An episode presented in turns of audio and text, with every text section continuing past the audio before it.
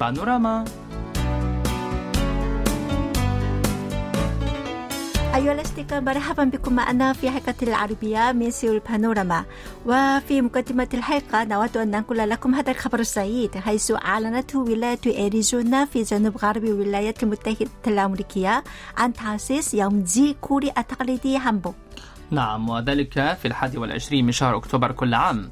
فهل سيرتدي جميع سكان الولاية بالإضافة إلى الجالية الكورية المقيمة فيها الزي الكوري؟ آه أتمنى ذلك. كما أتمنى وجود مثل هذا اليوم في كوريا لكي أرتدي هامبوك بشكل إجباري. هناك يوم للزي الكوري في بلد غير كوريا بينما لا يوجد مثل ذلك اليوم في كوريا. هل هذا معقول؟ لا. موجود على ما أعرف. أنت لا تعرفين. أنت كورية؟ آه. آه, لقد أنا نسيت آسف أعرف أن يوم الهامبو هو يصادف الحادي والعشرين من شهر أكتوبر هذا نفس اليوم وتم تعيينه لأول مرة في عام 1996 آه نسيت نعم, نعم. لأن يعني شهر أكتوبر يعتبر فصل جميل لارتداء هذا الزي جدا جدا لكن مع الأسف فهذا اليوم غير معروف لعامة الناس لذلك ينسوا وينسون سبب تعيينه وروعة وجمال الزي هانبوك مثلي أنا نعم أتمنى ارتداء الشعب الكوري لهذا الزي حتى تنتشر عادات لبس الهانبوك في الحياة اليومية بشكل عادي. أمم، أنا أيضا. وتقديم حلقات البرنامج بلبس الزي الكوري التقليدي. إن شاء الله. إن شاء الله. على كل بموجب ذلك أصبحت ولاية أريزونا هي الولاية الثانية من بين الولايات الخمسين بعد ولاية نيوجيرسي. نعم وبالتزامن مع الإعلان عن تعيين ذلك اليوم أوضح حاكم الولاية أن هامبوك جزء من الثقافة التقليدية والمجتمع والتاريخ الكوري كما أن الإعلان عن ذلك يعتبر بمثابة اعتراف من العالم بالزي هامبوك كزي كوري تقليدي بشكل رسمي أكيد أيها الأصدقاء لدينا أخبار منوعة نود تقديمها خلال حلقة اليوم لذلك هيا نبدأ الحلقة مع الاستماع إلى هذه الأغنية بعنوان أمدوكي وبصوت الفنان 황 치열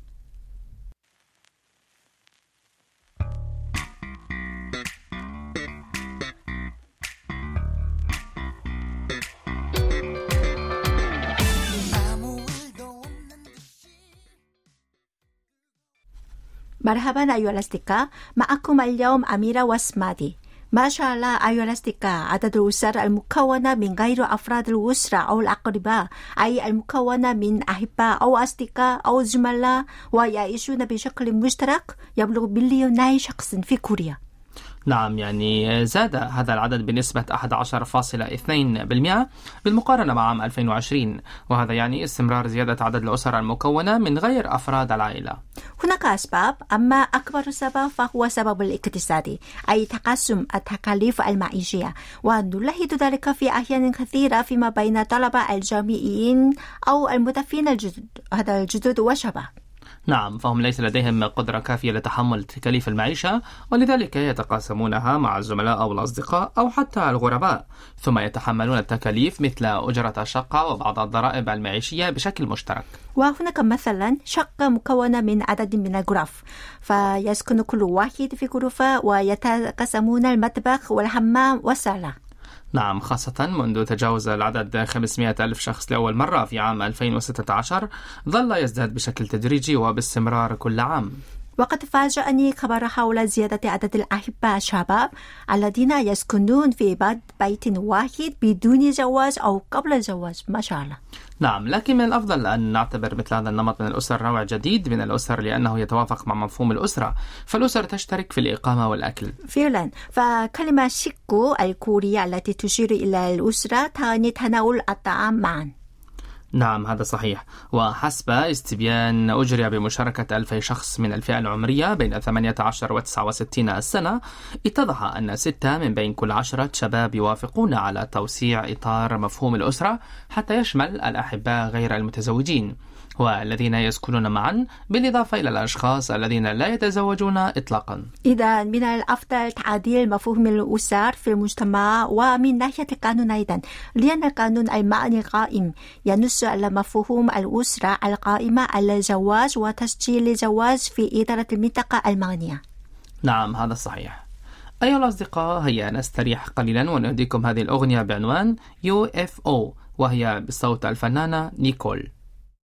Yeah, UFO. Um, taking off now. Tackle me, punch in the mood. Give me feels right. Oh, yeah, yeah. 손끝에 흐르는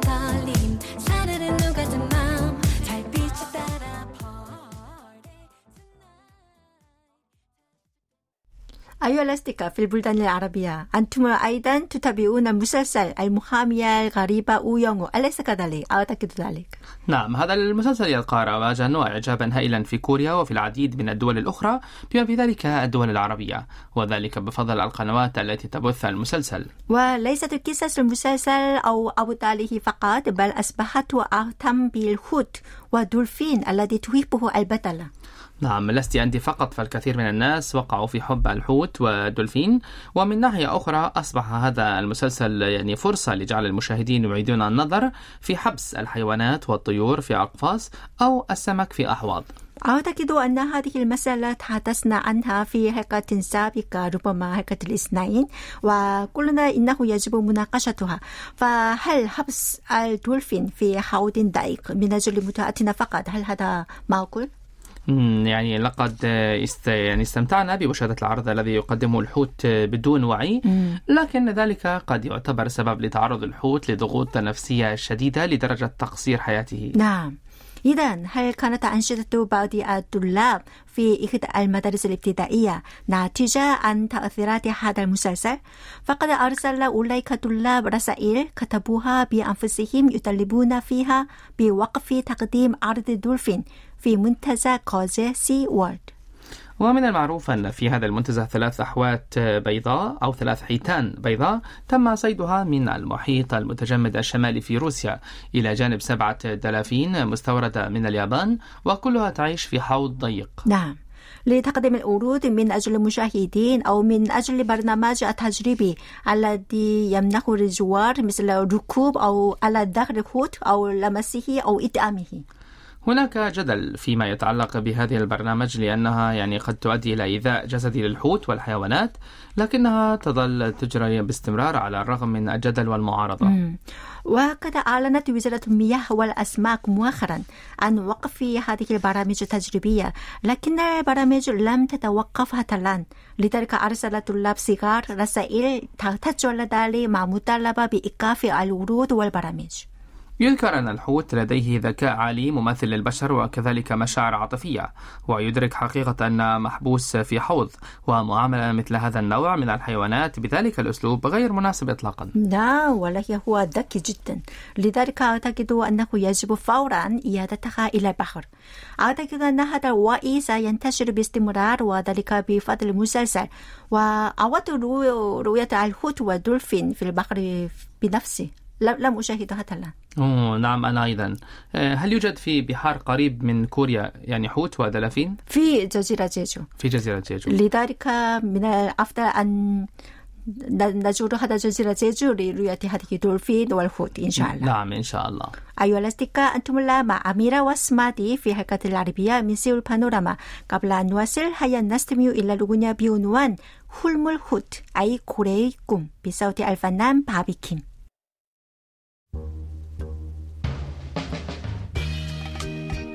Yeah. I fell in love again, man.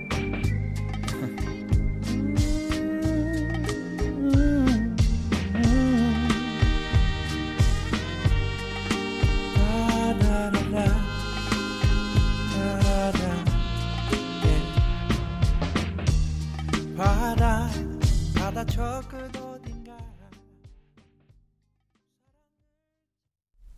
أيها الأصدقاء من بين الأفلام العالمية التي تجذب اهتمام المتفرجين بفضل قصصها ومستوياتها العالية والاستثمارات الباهظة في الإنتاج يحظى فيلم كوري بدأ عرضه مؤخرا بإعجاب ملحوظ. يحمل فيلم عنوان معركة 한산 ظهور التنين. وبعد مرور ثلاثة أيام فقط من بدء عرضه بلغ عدد المتفرجين مليونين واحتل المركز الأول. يدور الفيلم حول البطل الجنرال العظيم إي سون شين ومعركته ضد الجيش الياباني. نعم. كانت هذه المعركة عند أحد الأنهار وقد تحدثنا في حلقة سابقة عن المعركة الأخرى أليس كذلك؟ نعم صحيح. كانت ضد جنود مملكة سوي الصينية نعم. أما هذه المرة كانت ضد جنود يابانيين دائما. على كل فهذه المعركة أي هانسان البحرية تعتبر ضمن ثلاث معارك ضخمة ومهمة في تاريخ الكوري. نعم وقعت هذه المعركة ضمن الحرب الناجمة عن غزو الجنود اليابانيين لشبه الجزيرة الكورية في عام 1592 وبسبب القوات الضخمة وعدد الجنود الهائل تعرضت مملكة جوسون آنذاك لخطورة. فأيضا خلال المعركة هانسان تعرض الجنود الكوريون خلالها لخطورة بسبب قلة عددهم مقارنة مع القوات اليابانية الضخمة ونقص الأسلحة لكن بسبب الاستراتيجية التكتيكية الرائعة قاومت القوات البحرية الكورية الأساطيل اليابانية. وتماشيا مع شعبية الفيلم الملموسة تفتتح فعالية مهرجان معركة هانسان الأدمى في مدينة تونغ يونغ جنوب البلاد التي وقعت معركة فيها. نعم جميل. خاصة يعجبني عنوان المهرجان وهو دموع الجنرال. مم. والله لا أستطيع تصور كم من الدموع التي ذرفها الجنرال أي يعني إي إي سون شين لإنقاذ المملكة الكورية من غزو اليابان. نعم فعلا. فقد استمرت تلك الحرب والحروب المتتالية الأخرى سبع سنوات وهو ما أوقع الشعب في معاناة وألم شديد وأصبحت معظم الأراضي الكورية محتلة فبدون الانتصار في تلك المعركة البحرية ربما كانت شبه الجزيرة الكورية محتلة تماما من قبل اليابان. نعم أفهم ذلك. وإذا زرنا موقع المهرجان بعد مشاهدة الفيلم فسوف نستطيع الاستمتاع بفعاليات المهرجان بشكل أفضل. أظن أن عددا من المواطنين يفعلون ذلك. ومن أجل استيعاب العديد من الزوار تم تمديد فترة المهرجان إلى تسعة أيام من خمسة أيام. كما ستجري فعاليات في بعض الجزر المجاورة لجزيرة هانسان التي كانت موقعا للمعركة نعم طبعا هناك الكثير من البرامج والفعاليات والمناسبات لكن الزوار يتطلعون بكل شغف لاستعراض مشاهد المعركة. نعم أكيد. فعلى البحر ستعرض حوالي 100 سفينة من السفن السياحية وسفن صيد الأسماك وغيرها مشهد مكافحة الأساطيل اليابانية البحرية. فوق ذلك يزور مخرج الفيلم موقع المهرجان ليحكي القصص المتعلقة بالفيلم. إذا من الأفضل مشاهدة الفيلم أولا ثم نزور هذه الجزيرة إن شاء الله.